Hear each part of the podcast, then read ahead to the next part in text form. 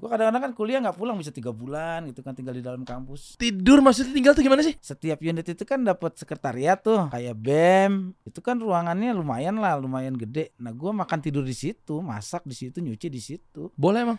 Ya boleh, gue berarti kuliah itu bayar semesteran udah berikut air sama listrik. Gitu. Kita kasih solusi.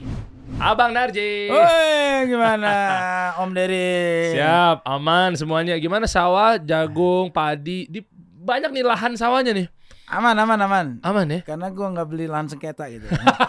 Iya, iya bener. Semua surat-surat aman ya. aman. Yang penting Gila. sebelum beli kita cek dulu. Iya betul. Ah. Nah ini sisi lain seorang Abang Narji bisa dibilang kalau kasih solusi kan gak jauh-jauh dari bisnis, karir.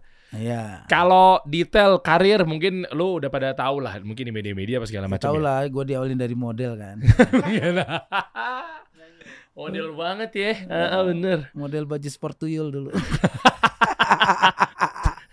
Segini dong, segini dong, segini dong. Nah, ternyata begitu gue kupas di bisnis pertanian tuh luar biasa. Eh, jadi ada apa aja bang? Eh, lahannya dulu deh berapa hektar?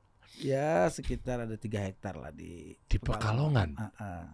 Wow. Di Pamulang juga ada berapa lah, tapi nggak bisa banyak kalau di Tangsel kan harganya mahal banget kan. Ya ya ya. Ah, kalau di Tangsel itu gue konsepnya gue beli sebidang tanah itu untuk demplot.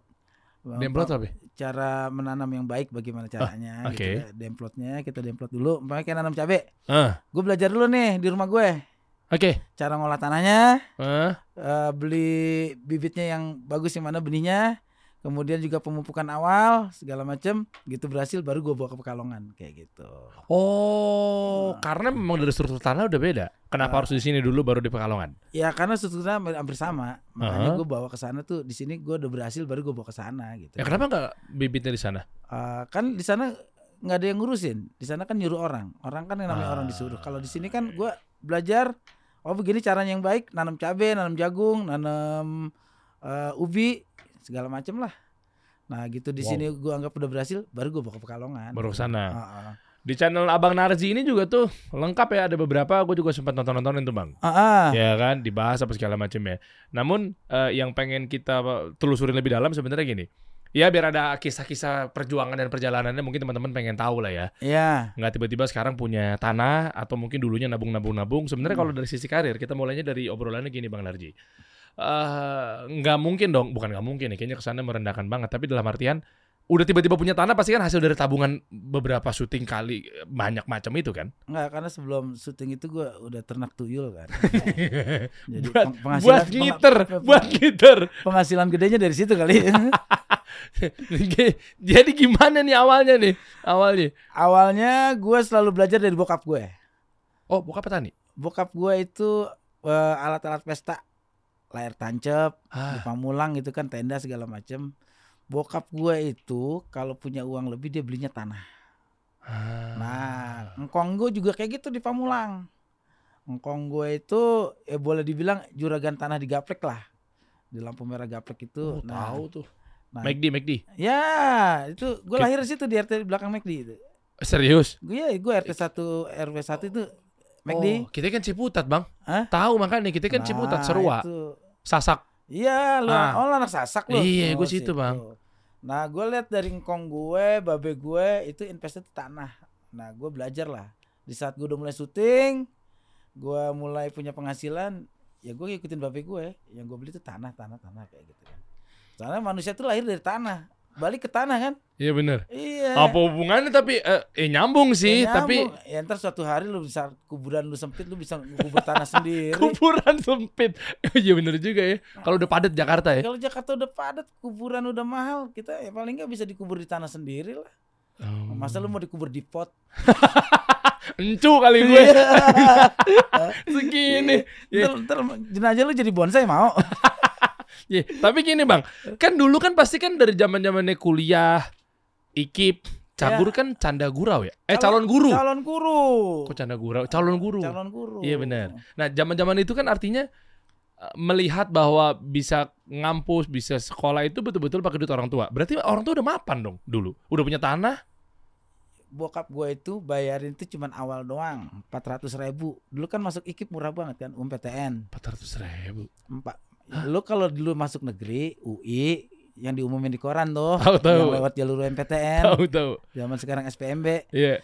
Itu kan bayarannya cuma 400 ribu sama uang semester satu semester. Satu I- i- semesternya 265 ribu. Ya tahun berapa kali? 96. Oh iya, Ya, kita kan kuliah udah 2007, berapa? masuk Iya. 2007. Gue kuliah itu cuma dibayarin bokap gue itu dua semester. Karena Ya selanjutnya gue mikir, gue kalau minta terus gue malu dan terus-terusan kayak gini kan. Nah di kampus itu gue nge-MC, ya. nah, sampai bikin janur. Tanya Wendy tuh sama Denny, gue kalau ada hajatan gedung di kampus gue dipakai, gue perjanjian sama securitynya, janur kita yang bikin ya. Oh, vendor. Oh, ah, Ah. gue juga ngumpulin koran bekas tiap fakultas. Buat apa? Ya ntar sebulan sekali gue jual ke warung Madura di Rawamangun. Tahu gue lagi. Iya iya iya iya. Romangun. Nyokap kan orang, orang eh, ini apa? eh, Aneh, nyokap lo. Pramuka. Oh, Pramuka situ, Iya, Pram- Pramuka. Perapatan. Iya, Nah, situ. Nanti gue jualnya di Hajiten tuh. Kalau koran koran fakultas itu gue Itu masjid gue, Masjid Salman. Masjid Salman. Iya kan gue situ. iya. Waktu masih tinggal sama nyokap ya. Nah, ah, nah itu Iya. gue kayak gitu tuh nyari-nyari duit. Nah udah, gue kadang-kadang kan kuliah nggak pulang bisa tiga bulan gitu kan tinggal di dalam kampus. Gue tuh penghuni kampus. Penghuni ya kampus tidur maksudnya tinggal tuh gimana sih? Kan setiap unit kegiatan. Gue Deketan Bang, maaf. eh, gua kan aktif di unit kesenian mahasiswa. Hmm. Setiap unit itu kan dapat sekretariat tuh. Iya. Kayak BEM, kayak Kopma, kayak Menwa. Itu kan ruangannya lumayan lah, lumayan gede. Nah, gua makan tidur di situ, masak di situ, nyuci di situ. Boleh emang. Ya boleh, gue berarti kuliah itu bayar semesteran udah berikut air sama listrik. gitu. Ngekos kali ah. Zono. Penghuni gelap, Eh, Berarti ilegal. ya ilegal. Cuman kan daripada gua ngekos, biaya berapa, pulang pergi berapa. Di situ kan gua kuliah, Ah. gua sebelum masuk ke kampus gue lihat dulu kan, sebelum masuk ruang kuliah. Dosennya udah ada belum? Kalau udah ada gue baru mandiin. Enak bener hidupnya ya. Hidup di kampus gua 7 Ah, tahun. Oh, berarti pinter. Ah, tujuh tahun. Baru mau bilang pinter, kok lama ya? Ya kagak, gue sengaja waktu itu jatah duit kuliah, kuliah gue belum habis. Nggak gitu konsepnya. Nggak gitu. Nggak gitu. Ada duit jatah, lulus mah lulus. Malah dilama-lamain. Gua lima tahun kuliah kelar, tapi udah lulus gue masih tinggal di kampus. Lah ngapain? Ya gua kan waktu itu mikir kalau gue pulang pergi kan gue udah syuting tuh sebelum lulus gue udah dapat paket acara. Kalau gue pulang pergi Rawamangun Pamulang Rawamangun Pamulang gue kan syuting di Pondok Gede dulu kebanyakan zaman TPI kan. Iya. Ya mendingan gue tinggal di kampus. Oh, sedang juga ya dari Pamulang ke sono ya. Iya, makanya di situ kan Oh. lebih enak, lebih santai. Nah, di situ gua ngebangun gua sama Denny itu dulu orang yang ngonsepin cagur, bikin cagur itu koridornya kayak apa, lawakan kita kayak apa, kita adaptasinya ke mana. Wah. Gua tuh ngobrol sama Denny di kampus itu siang malam lah. Dan kita masuk ikip nggak harus jadi guru. Kita rubah nasib kita di sini. Nah, di situlah. Kan Ikip buat guru. Lah kenapa nggak jadi guru? Ya zaman itu lu jadi guru 75 ribu bro Zaman orde baru jadi guru 75 ribu sama beras sama ikan asin lu mikir apa? Kita laki-laki Ya nggak usah Ikip kan ada Jayabaya depannya sono dikit. Ya bener itu. Ya Jayabaya kan udah kuliahnya mahal Dikit mah murah Oh iya, cuma kan Iya pengajarannya jadi guru bang. Ya susah juga kalau terus apa jadi apa dong kalau nggak jadi guru? Ya ini gue jadi pelawak jadi begini kan Jadi jadi nyasar Oh. begini Nah Oh, itu iya, gue iya. ikutnya kegiatan Akademis gue nggak tinggalin Tapi kegiatan gue gue maksimalin Gue sama Hmm. Denny itu kita rubah nasib keluarga kita Wah. kita meskipun masuknya IKIP Jakarta kita buktikan kita bisa lebih dan cita-cita gua sama Denny waktu itu satu ya kata cagur itu dari yang nggak ada di KBBI harus jadi salah satu kata di Indonesia Iya nggak bisa bang. Ya. Gimana ceritanya? ya sekarang kan lu sekarang kalau browsing cagur keluar kan Oh iya. ah Oh iya bener ya. cita-cita gua itu gue bilang ya udah secara gua sama Denny perjuangan kita udah berhasil dari kata cagur yang nggak ada di KBBI Iya lagi. sekarang jadi ada kata di Indonesia Oh, berarti udah emang deket banget. Tapi kenapa sekarang benderanya beda? Kan Kenapa? harusnya kan sama organisasinya. Ya, gue lahirnya dari rahim yang beda. Heeh. Masa mentang-mentang cagur satu partai nggak seru amat sih. Jawab sama dia. Iya. Gue udah masuk ke bendera, organisasi dimasukin ke Iya. sono. Kalau gue Denny sama Bedu satu partai, disangkanya cagur nih sebenarnya grup lawak apa saya partai? oh iya bener tiga-tiganya beda ya. Ih beda. Iya. Gue gak mau komen mana yang bagusan lu pilih sendiri aja dah. Nah sekarang berarti tapi bayar-bayar aja kan sama sama Kang Denny dulu deh. Ya nggak usah jauh-jauh dulu deh, kan gesekannya kan luar biasa tuh biasanya. kalau- Politik pilihan. Tapi politik itu pilihan. Saudara itu seumur hidup buat gua. Masya. Gua sama Denny itu ya, gue pikir ya udah lahir batin lah. Masalah dia milih ke mana, jangankan masa sih politik harus sama juga, milih bini juga nggak sama. Iya iya iya. iya. Iya. Akhirnya kan gua juga berpikir, Den, masalah pilihan lu segala macam kehidupan lu, lu mau bisnis apa, lu mau arah politik lu ke mana, terserah. Yang penting sejarah hidup kita itu nggak bisa dilepasin. Wow. Lu sama gue tuh sama-sama besar dari cagur gitu kan. Wah, kok ini baru nih drill persahabatan nih. Iya, ya Hmm. persahabatan gue sih nggak pernah putus karena gue sudah sering minjem 100 gitu. Gue baca komen-komen bang, apakah memang ini ternyata gara-gara, ya ini netizen kan nih, Oh. biasa sukanya ngarang-ngarang mungkin tanpa fakta. Contoh misalnya, wah ini bang Narji sekarang udah nggak laku lagi kalau di TV gitu ya.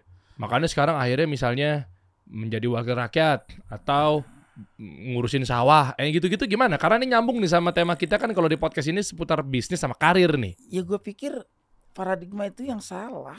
Tapi nyampe kan, mention-mentionnya nyampe kan? Ya jangan kan situ ke sosmed bini gue juga nyampe. Tuh kan, sampai bini-bininya noh.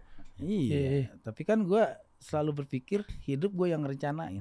Ini kan udah bagian dari rencana gue. Hmm. Masa iya eh, suatu hari tuh gue hidup di hari tua, pengen santai dong dengan lahan yang gue udah siapin di kampung. Wih. Nanti gue pengen bikin rumah itu paling enggak di belakangnya masih lihat gunung gitu kan. Ah, masih lihat sungai. Hari tua kayak gitu kan lebih enak. Artis itu terjun politik kalau udah nggak laku, lu lihat dong, seorang sampai tingkat popularitas tertentu, lu lihat perjuangannya. Tarik ke belakangnya. Hmm. Tidak mungkin ada slang sekarang tanpa perjuangan slang yang panjang. Hmm. Tidak mungkin ada perjuangan seorang Inul Daratista Hmm. tanpa perjuangan yang jerih payah seorang Inul Daratista sampai puncak populer. Nah kalau di politik ini kan kita tinggal nerusin bro perjuangannya. Hmm. Popularitas kita udah dapet dari perjuangan kita selama jadi artis. Tapi kan duitnya lebih enak di sono. Kenapa bela-belain kita mau banting-banting capek, tenaga, waktu? Lu lihat sisi mananya. Apa iya kita dapat penghasilan cuma untuk kita doang? Kan penghasilan yang kita kita nikmatin. Untuk masyarakat apa iya kita bisa bikin kebijakan? Nggak bisa loh.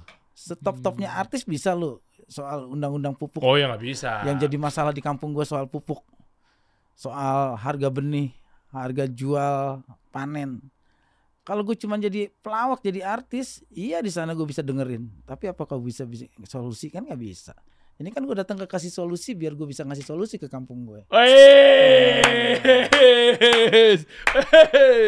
Pekalongan. Nggak, Oh kampung kan sawahnya di Pekalongan juga kan? Iya.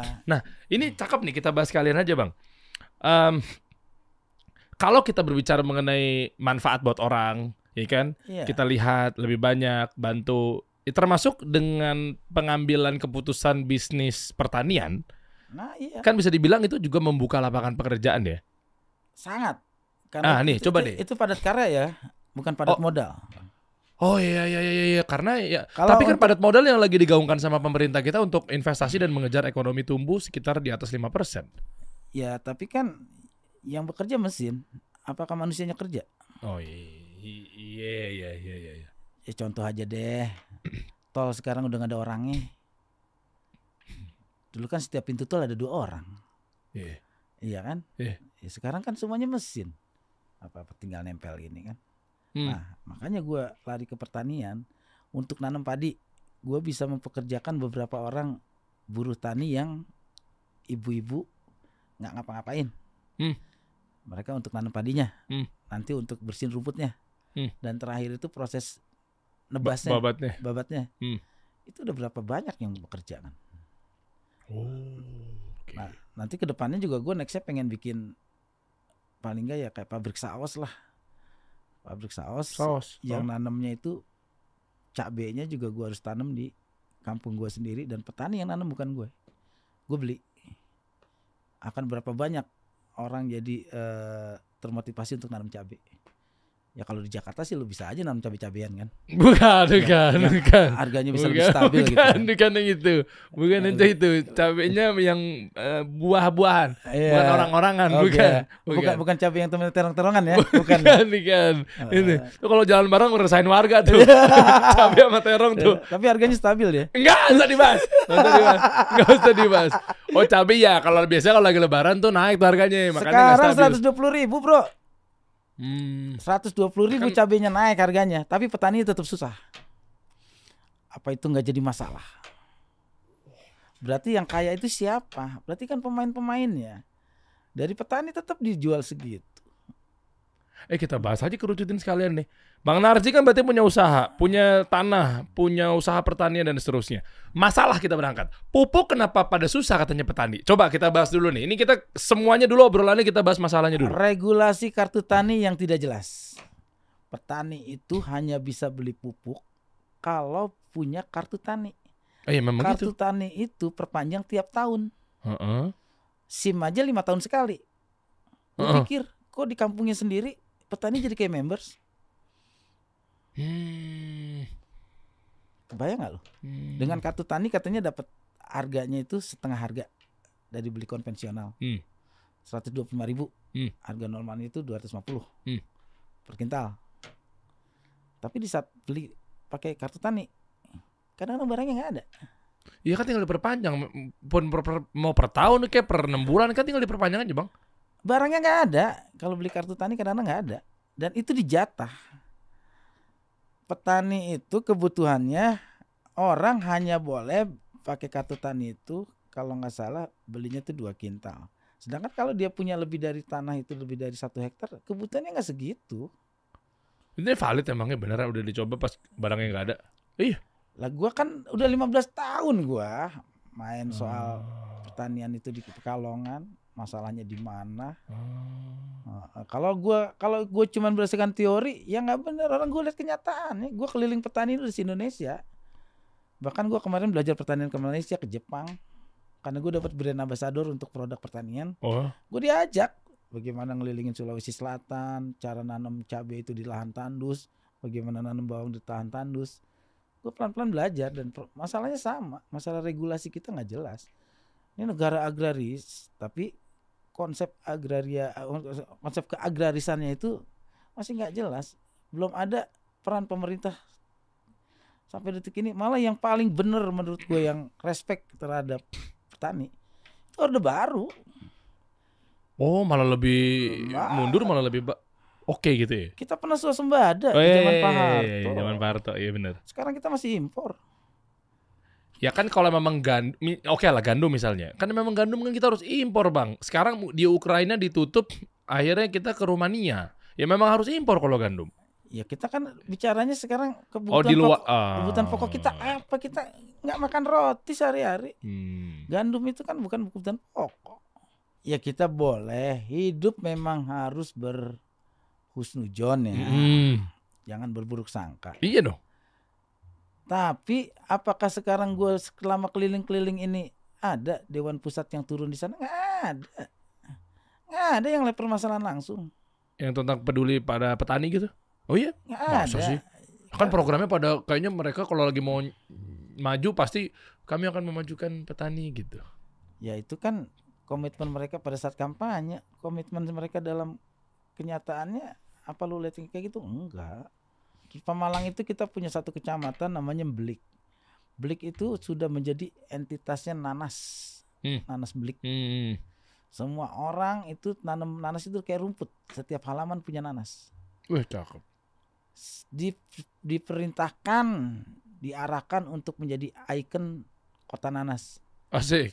Tapi pupuknya nggak dapat jatah karena yang hanya dapat jatah pupuk adalah petani padi. Ajuin aja. Udah ngajuin belum? Jangan-jangan belum ngajuin selama ini. Gapok tannya, kelompok taninya sudah mengajukan, tapi karena undang-undangnya yang hanya dapat pupuk itu petani padi. Nggak adil. Ya kita boleh ngambil kebijakan bahwa kebutuhan kita adalah padi. Tapi kan ada daerah-daerah tertentu yang butuhannya bukan untuk padi aja. Tadi kan Bang Laji sendiri bilang, kan kalau padi pasti diutamakan gara-gara makanan pokok. Emang kita tiap hari makan nanas. Tapi kan kalau udah jadi kota ikon, Lu belajar dari Thailand.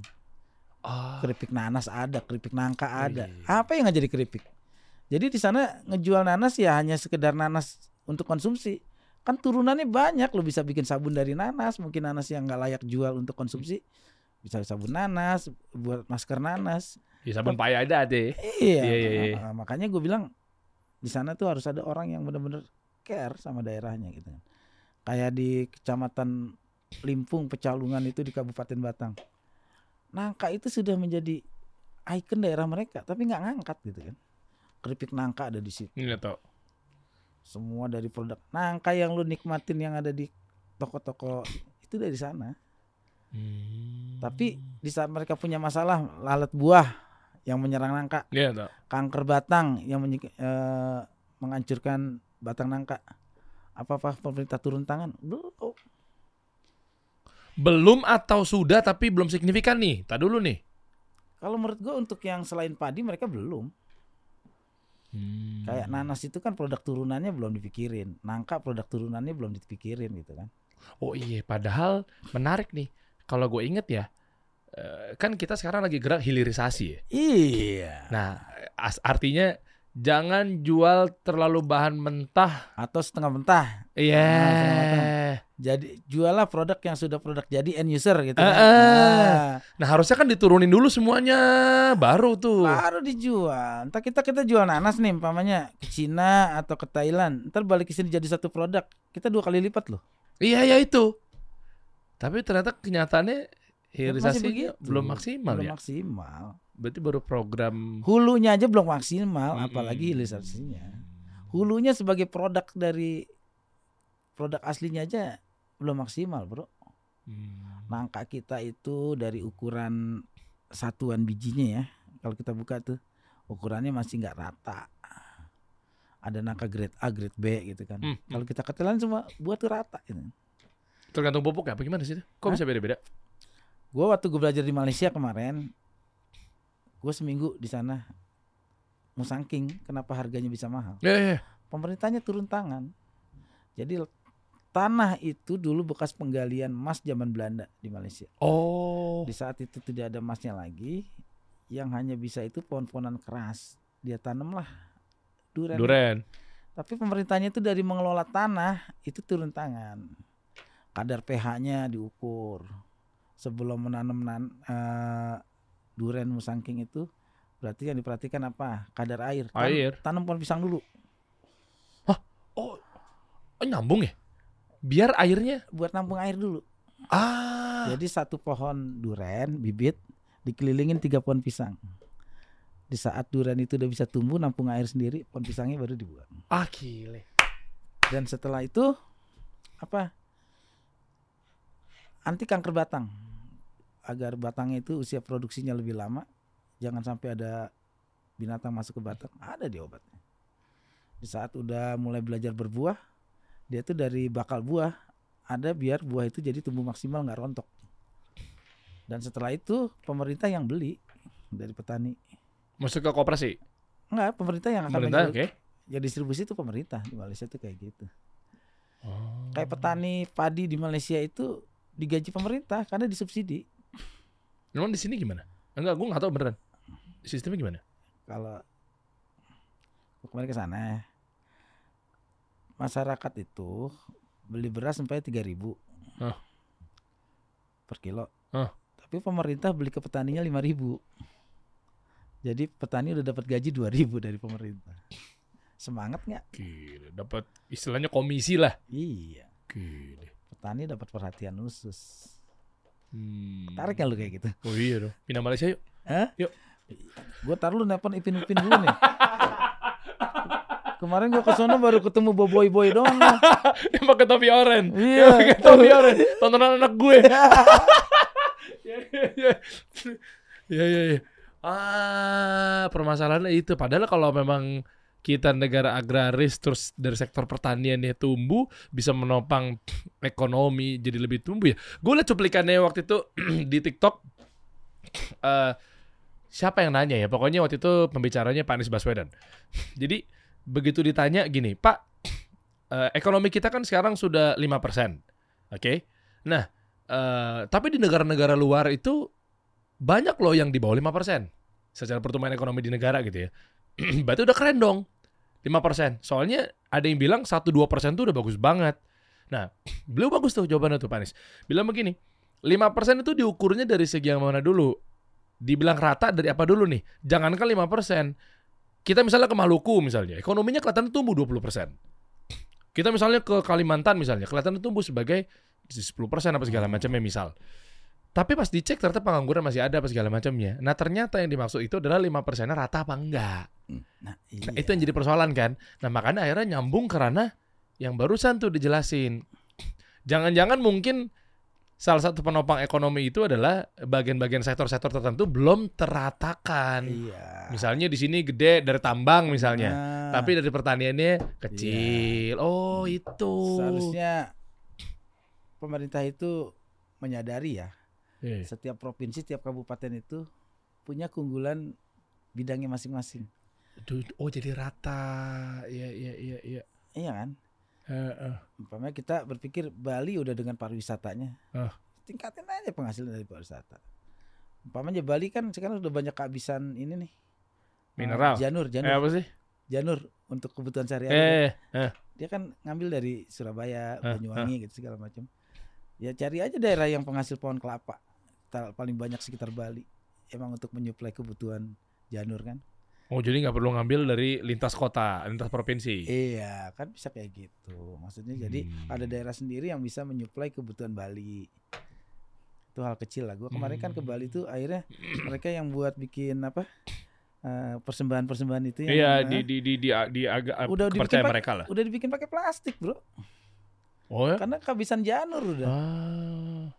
Iya yang mereka kan kita hargain ya buat Iya. yang beragama Hindu ya kalau nggak salah di sana ya.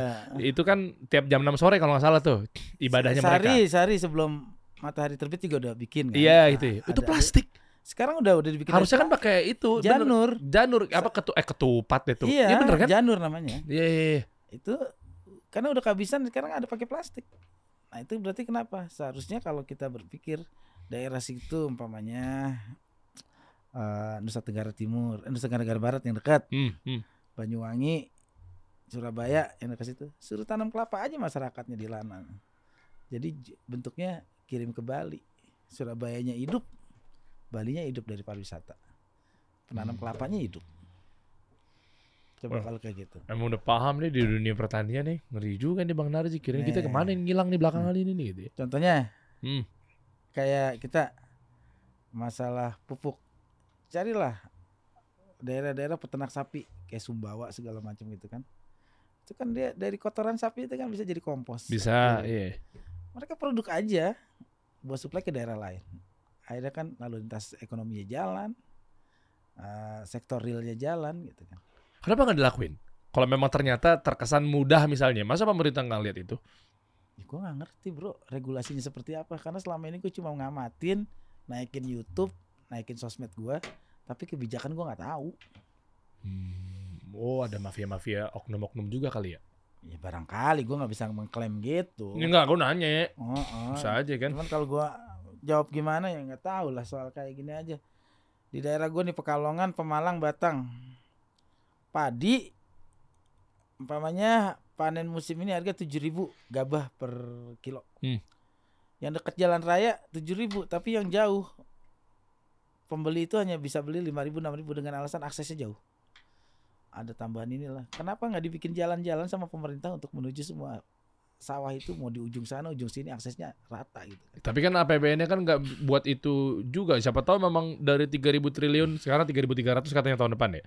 Yang 3.300 triliun kan banyak kebutuhan ya bang. Siapa tahu mungkin nggak melulu ada jalan primer yang mau dibangun, yang sekunder sekunder kayaknya entah dulu deh. Misalnya begitu gimana? Lu urusan makan emang primer apa tersier? Oh, salah lagi gue. Lu urusan makan. Iya kita kalau kita udah bisa swasembada, berarti kan kita udah nggak perlu beli beras dari luar. Masa Vietnam aja yang negara kecil kita beli beras dari sana? iya lagi. Ah, Lu pikirin deh, ya kan? Hmm. Sedangkan lahan-lahan di Pekalongan, di Batang itu segala macam orang udah nggak mau bertani karena merasa jadi petani itu kayak begini. Tidak ada seorang petani yang berdoa anaknya jadi petani. Ah iya bener. Soalnya image-nya stigmanya mau jadi hidup apa mau, mau jadi apa lo jadi petani gitu. ya? Di data BPS sekarang, setiap data kemiskinan pasti peringkat satu petani sama nelayan.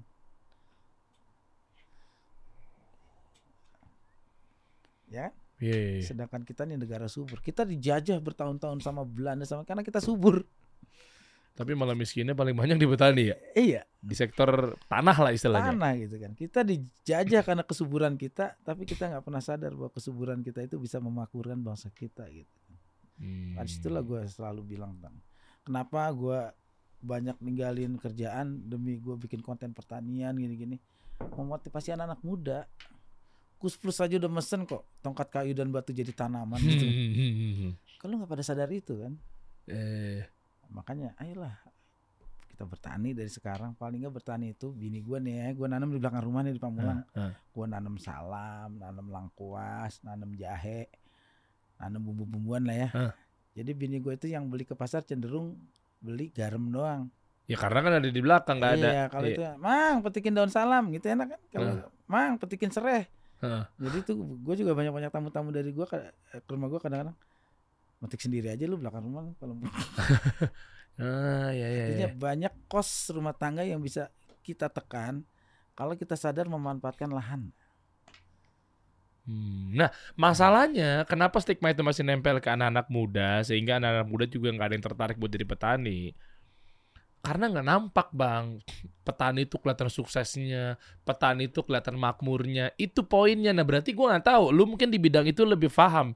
Gimana caranya misalnya nantinya nih minimal dari pekalongan dulu deh, untuk ngangkat atau edukasi kepada para petani gitu atau kepada para konsumen atau apa pun itu bentuknya sehingga itu jadi menarik gitu loh profesi petani. Itu kan jangan-jangan selama ini kepelintir sama Ya, oknum ini. Perjuangan gue itu lah lihat eh, yang banyak gue liput itu suksesnya petani. Lo lihat yang tayangan beras itu, Ah, coba lihat judul-judulnya dong yang tayangan beras itu sidrap. Sidrap Makassar Mm. Eh, coba yang judulnya searching aja di atas lagi coba. Ah, coba Bang judul Narji beras eh, coba beras sidrap, beras beras sidrap. sidrap salah satu kabupaten di eh, Sulawesi, Sulawesi Selatan. Selatan. Sidrap. Wih, sidrap Nah. ya ya ya nah itu coba ketik Ah, paling lihat, atas lo lihat tuh. Dia sampai sudah ada undang-undang setempat keluarga dia udah nggak boleh lagi beli sawah. karena Udah terlalu luas sawah yang dia. uh Itu pabrik berasnya lihat.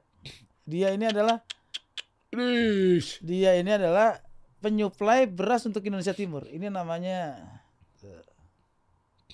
namanya juragan lahan Pak Haji Rasman ini umurnya dua tahun di bawah gue. Nah itu kan dia lihat cara ngejemur berasnya. Lu lihat alat-alatnya nggak ada yang murah bro. Waduh. Kenapa? Ini kalau kita serius di pertanian kayak begini. Ini alatnya paling murah nih harga seapansa nih. Mahal amat.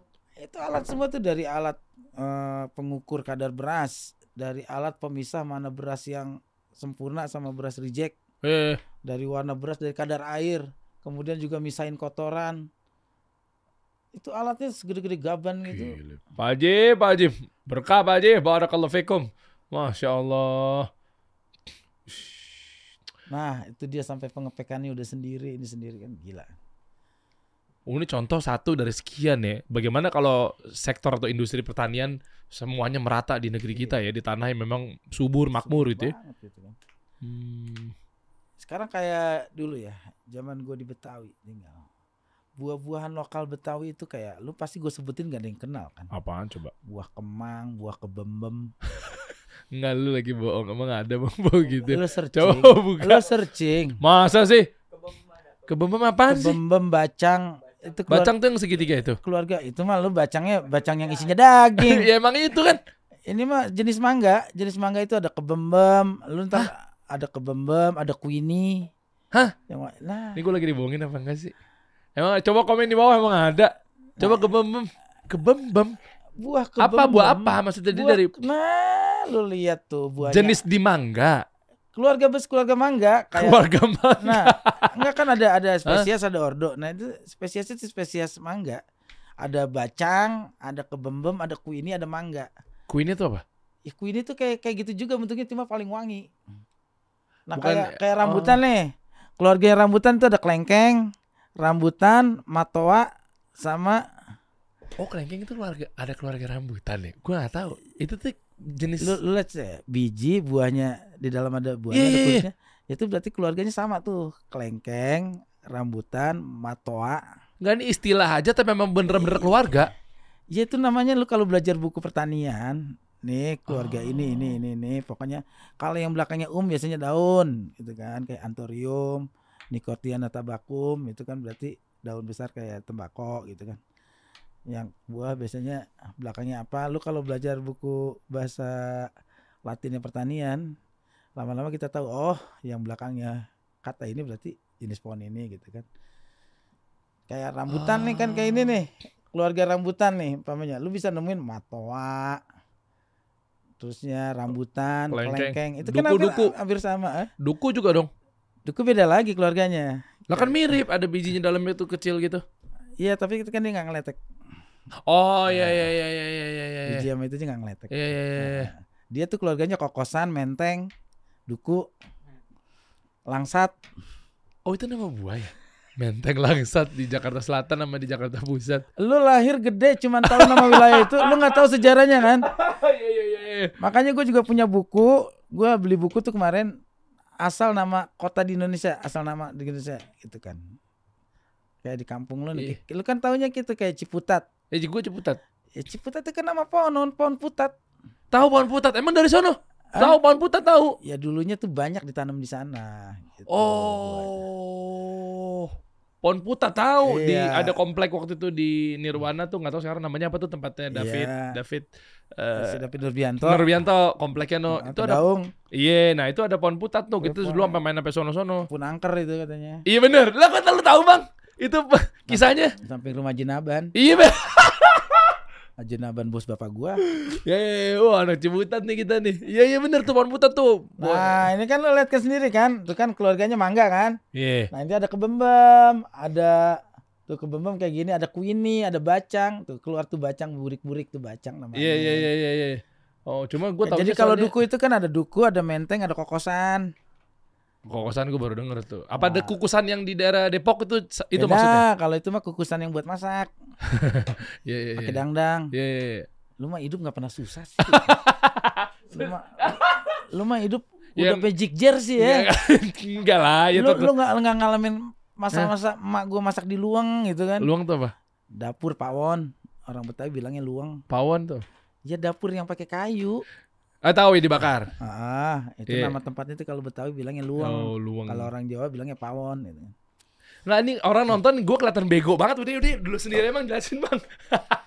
Enggak, gue bukan bukan bego. Umur gue tuh ngalamin itu. Lu nggak ngalamin. Kalau iya. Makanya indahnya umur gue itu dibilang generasi emas. Gue ngalamin masih cari biji karet.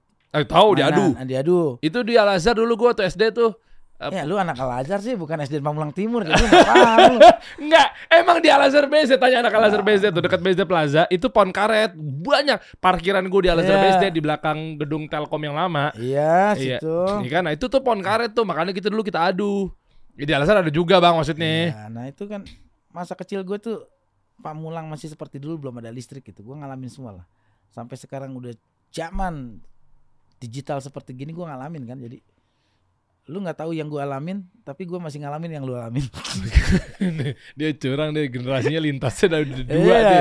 Ada dua generasi. Iya, zaman sekolah masih pakai belnya itu pakai ini apa pelek sepeda. Iya, iya. gua gua tahu di film-film cuma Iya. gua nggak pernah ngerasain Gue ngalamin. Nah, kita pakai Lu, toa, Iya, lu zaman sekolah lu pakai kapur tulis nggak ngalamin kan?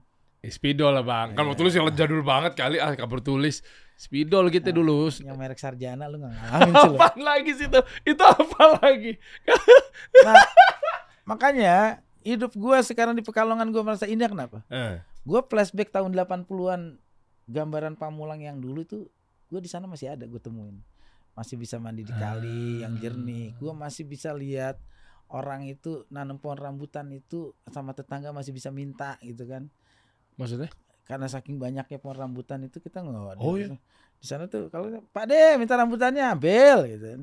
Ah. Saking banyaknya kan. Duren Iya, jatuh iya. gedebuk udah siapa aja yang bisa ngambil duluan ya itu punyanya gitu kan. Oh. Malam-malam Masa-masa kayak gitu di Pekalongan. Nah, gua di sana kebudayaannya, tradisinya yang sudah bagus gua nggak rubah. Tapi masalah mentalitas anak mudanya itu yang perlu gua kembangkan. Anak muda di Kabupaten Pekalongan, Pemalang, Batang itu masih berpikir bahwa rezeki adanya di kota besar. Usia produktif mereka lari ke Jakarta. Balik ke kampung itu di saat mulai asam urat. Udah mulai darah tinggi. Hmm, ya, ya, ya. Jadi isinya tuh orang-orang nggak perlu ya, jadi beban daerah. Anak-anak mudanya cari rezeki di sini, di saat balik di saat udah tua. kayak Ya gitu. karena mau coba ikhtiar di Pekalongan atau mungkin daerah-daerah kecil ya. Ya kan gimana? Karena pendapatannya petani udah berapa itu Nah, gajinya? itu dia lah yang gue bilang konsep pemerataan itu gimana sih? Kalau yang pemerataan ya pemerataan juga ah, sektor-sektor UMKM-nya, Hmm. eh, oh, sektor-sektor ekonomi kerakatannya di setiap wilayah itu juga harus dikembangin. Jangan merasa akhirnya ntar apalagi kalau ibu kota sampai pindah ke sono, sini belum rata, gimana? Kan harapannya ada industri dan ada ekonomi baru di situ, Bang. Keren dong berarti harusnya. Yang ini belum pada kelar, Hmm. ya kan? Iya, iya, iya. yang daerah-daerah penyangga ibu kota kita yang ini aja sekarang masih banyak. Lo nggak usah jauh-jauh deh. Lo main ke daerah Parung, Ciseeng. Mungkin Hmm. lo pernah dengar kan? Tahu, tahu. Sinyal susah. Padahal hitungannya masih Bogor tuh ya. Ya, Eh, Parung iya. Bogor kan? Iya. Iya. Ma- maksudnya Bogor udah kota lah istilahnya. Masih susah di situ sinyalnya. Lo jalan-jalan dong bro ke kampung ah main. Main lu mesti di mulu sih, main kota mulu sih. Ya Jadi- kan jadi- gua kerja di mari, Bang. Eh, jadi lu nggak pernah ngerasain kan deritanya orang desa nih. Eh, Gue sekarang nih kayak orang disuruh kemarin waktu covid, Hah? orang disuruh belajar online daring. Hah? Penyangga untuk daring itu aja yang paling utama itu sinyal nggak ada Eh. gimana anak-anak. wah.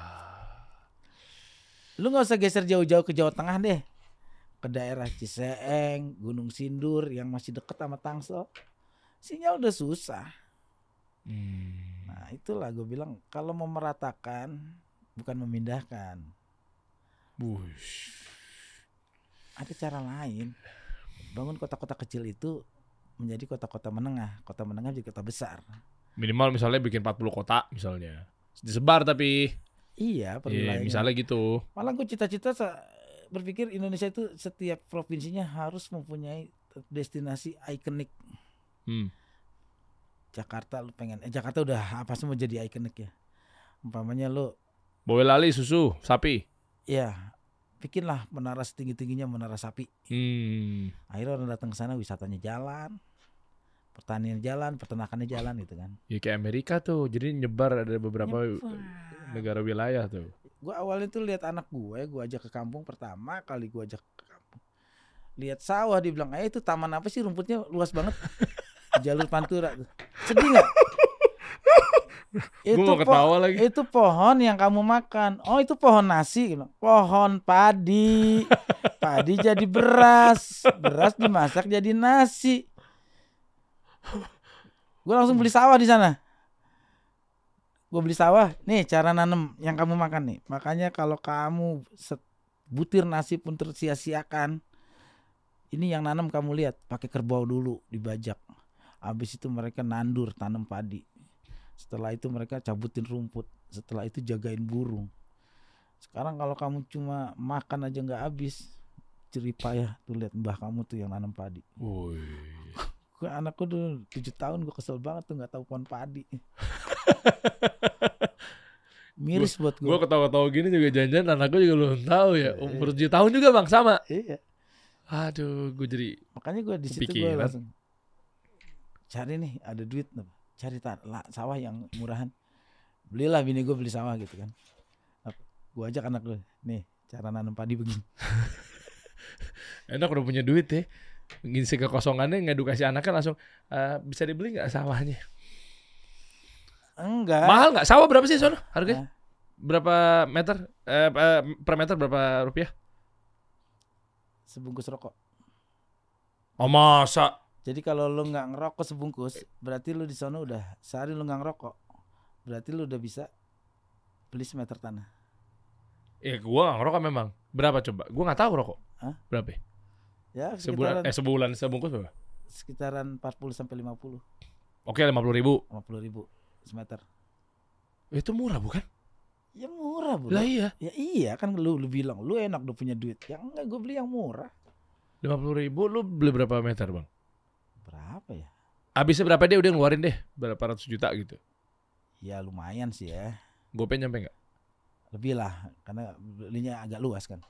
Oh. Kan ada juga yang gue beli lahan jati, lahan ini kenapa? Investasi anak cucu, yang kedua itu edukasi buat anak-anak gue. Yang lu makan nih, ini baju yang lu pakai ini dari peternak sutra sampai jadi benang. Oh. Yang lu makan nih, yang lu makan nih sekarang ayam fried chicken ini tepungnya dari petani. Iya. Ayamnya yang ternak petani. Mm-mm. peternak gitu kan. Oh iya. Jangan sia-siakan yang kamu makan. Kenapa? Kamu sekarang umpamanya yang kamu makan itu spaghetti. Spaghetti itu dari gandum. Gandum adanya petani juga. Iya. Jadi gue setiap gue emang sering ngomong ke anak-anak gue tuh gue ngoceh gitu maksud gue. Jadi biar dia tuh tahu bahwa hidup itu proses bukan instan gitu kan. Iya. Pada saat dia makan mie instan juga gue terangin, mie instan juga lu masaknya yang instan, tapi prosesnya nggak instan dong. Iya bener. Gandumnya untuk Iya. bumbunya lu butuh cabe, kecap berarti kedelai. Iya. Detail gue nerangin kan anak gue.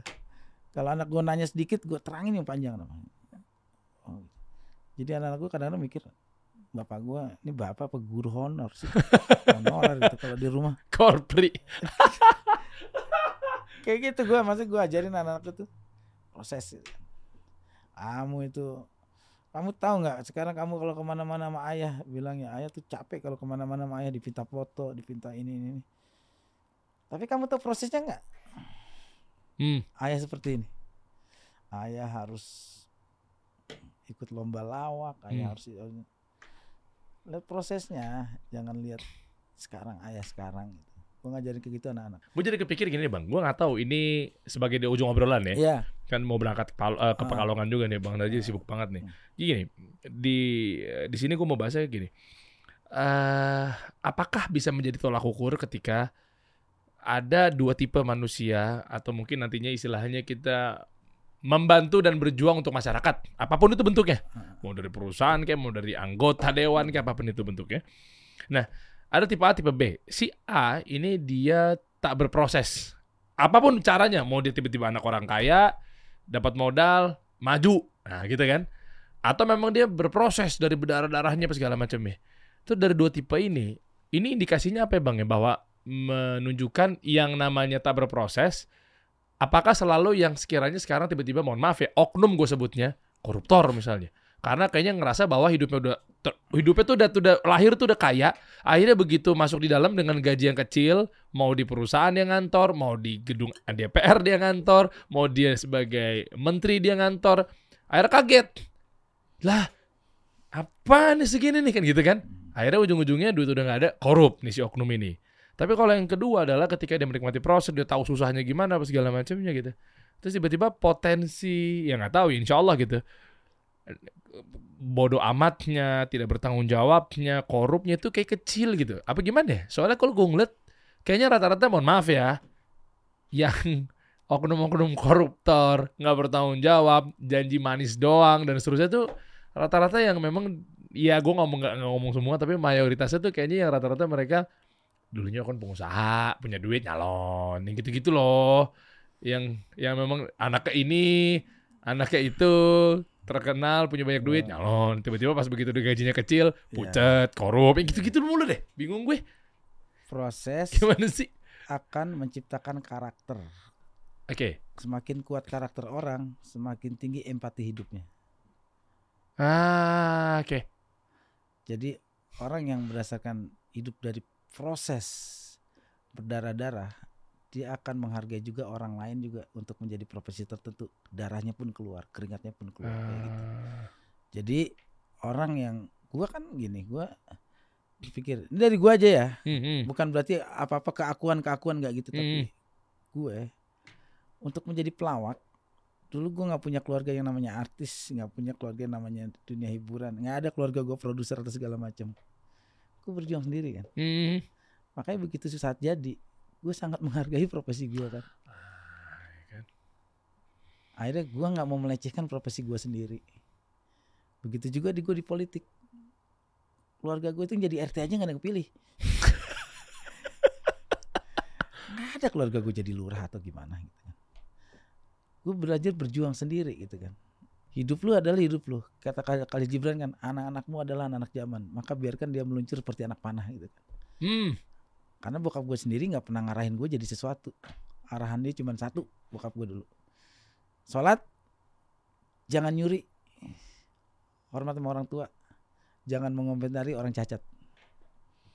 Sejak kecil gue cuma digituin sama bokap gue. Mulia banget pesannya tuh, masya Allah. cuman itu pesen bokap gue. Oh. jangan nyuri. Sholat jangan nyuri hormatin orang tua jangan ngomentarin orang cacat Oh, sejak gue kecil digituin gue nggak tahu arti omongan gue bokap gue saat itu kan masih kecil. begitu saat gue udah gede gue sangat memahami apa yang dimaksud bokap itu kan. Oh. itu jujur sama orang tua jangan ninggalin kewajiban kita baik agama maupun keluarga kayak gitu makanya gue kalau lu tadi pertanyaannya itu Oh. kolerasi sama yang gue ini kalau orang prosesnya singkat maka apa pun dia selalu berpikir praktis. Tapi kalau orang berproses secara panjang segala sesuatu itu dia harus berpikir secara perjuangan yang luar biasa. Kayak gue gini lihat orang kaya gue nggak pernah lihat kekayaan sekarang. Gue tarik mundur. Gimana dia bisa kaya? Oh. gue selalu mikir kayak gitu. Kayak orang gue lihat ada artis yang bisa sampai oh lu lihat dong perjuangan dia menuju ke sana gimana Oh iya. iya kalau orang sekarang pikir lu enak lu artis ketawa-ketawa udah dibayar tapi lu proses bagaimana gue ketawa dibayar lu nggak tahu kan lu nggak tahu kan di saat eh, gue ikut lombanya kayak apa ini kayak apa Latihannya gimana? Latihannya kayak begini. Tidurnya berapa Dua jam? Waduh. iya kayak sekarang kalau kita bicara Rapi Ahmad Hmm. Dibilangnya Rapi Ahmad bisa kaya raya begini-gini. Jam tidurnya Rapi Ahmad jam berapa? Dibandingin lu. Ah, habis masang ginian pulang lu molor. Dimas kena Dimas. Iya. Dimas kena Dimas. Iya kan? Iya iya iya. Iya, makanya kayak gitu kalau yang nah, orang kaya dianggapnya nanti kalau udah jadi pejabat gini-gini ya tergantung lu kebiasaannya di keluarga lu diajarin karakter apa enggak. Nah, kalau orang tuanya ngajarin waktu gua bisa kayak gini karena prosesnya kayak gini, lu belajar prosesnya bukan gininya. Nah, Itu biasanya anaknya juga karakter. Gue juga banyak kok teman-teman gue yang anak-anak pejabat, anak-anak pejabat tinggi lah. Tapi spirit ayahnya yang diambil gue suka. Dia kebanyakan biasanya nggak ngikutin jejak ayahnya ah. Eh, dan cenderung nggak mau apa-apa kata belece dari bapaknya. Gue sendiri aja jalan. Banyak teman-teman gue kayak gitu. ada juga berarti kan? Ada Hmm, juga. Oke, oke. Kita jangan mengeneralisasi dari suatu uh, simple sampel yang menurut gue nggak adil juga. Hmm. Kita tarik kesimpulan, kita asumsikan begini ternyata itu cuma oknum kan. Hmm. Kayak gue belajar tuh dari Gading Martin. Hmm. Gading Martin itu bisa hebat di dunia hiburan bukan karena anaknya Gading Martin, Bukan kayak Roy Martin, bukan anak bukan karena anaknya Roy Martin. tapi Emang dia berjuang sendiri. Enggak, enggak. masa iya sih? Ah, gue tahu banget Ya, Gading lah. pasti disupport lah ada tipis-tipis. Enggak lah. Oh ya? Roy Martin bukan tipe nitip anak. Makanya Gading kan hidupnya Eh, nggak nggak tergantung ayahnya gitu. eh, Nah itulah gue belajar. Contoh kecil lah teman gue. oh, masya Allah. Ya karena gue bergaul lama sama dia kan. Gue tahu banget dia. Dia nggak apa-apa-apa, nggak ada apa-apa. Uh. Nah itulah gue belajar. Oke begitu hidup. Nah kemudian juga kalau buat anak-anak sekarang, kalau bapak lu pejabat apa apa lu jadi baru anak camat aja lu lampu merah lu main hajar aja pengen gue injek palanya. iya iya iya iya iya iya tahu tahu banyak di berita-berita tuh Iya kan? ya Iya. Untungnya gue sekarang anak-anak gue nggak ada yang mau di mana-mana nggak pernah ngaku dia anak gue. nah, kenapa tuh Ya minder juga kali mukanya gitu. gue takut takut gitu bilang anak siapa lu? Anak Narji gitu kan. Eh. bukan malah dibilang wih anak kan enggak bapak lu gitu amat sih? Gitu. Anak gue paling malu. Kalau gimana maksudnya nggak pernah pengen nampakin. Dia tuh anak gue gitu. Dia kayak nutupin diri bahwa ya gue tak kenapa bang? Yang pertama ini kan udah mau masuk SMA gitu. kenapa bang? Abang di postingan IG aja nggak pernah mau, mau ada abang yang nggak pernah mau ayat tag kalau tag suruh hapus gitu beban ya katanya nanti aku bakal begini begini begini begini pihak sekolah tahu aku bakal gini gini aku pengen biasa aja Masya nanti kan udah mulai kelihatan maksudnya Eh, attitude ya. Iyalah, mentalnya. gue juga nggak mau kayak gitu anak-anak gue apa apa ke mall apa apa ke mall Hmm. gue ajak ke pasar Pamulang gue ajak ke pasar Ciputat Ah, Cimanggis. Eh siapa sih? Cimanggis gitu Iya. gue sering belajar di situ pasar Pamulang tuh belakang Hmm. Bank Mandiri sama istri gue kenapa ngajarin anak-anak gue Ah, lihat pejuang-pejuang keluarga di situ ibu-ibu jualan pisang ibu-ibu jualan jamu. Itu buat siapa? Buat anaknya lo di rumah. Oh. jadi gue ngajarin anak-anak itu hidup tuh di bumi bukan di langit. Uh. ya kayak gitulah maksudnya gue makanya gua berjuang di sini untuk hidup gue untuk keluarga gue insya Allah udah cukup. Karena gue selama ini nggak jadi dewan pun hidup gue kayak dewan kalau gue mudik itu proposal yang minta seragam bola seragam. Gue tahu tuh. Pasti begitu ada yang pulang kampung, artis ternama masuk tuh. Ya sama aja hidup gue kayak dewan Iya, iya, iya, iya, iya. iya Tapi- Kebayang nggak? Iya, tapi ngomong-ngomong kalau anak misalnya malu ditakut di tag apa segala macam, ya kasih tahu aja. Mungkin kalau dia malu tagnya tag Sandi Sondoro misalnya. Kan minimal dia nggak malu. lebih malu lagi kan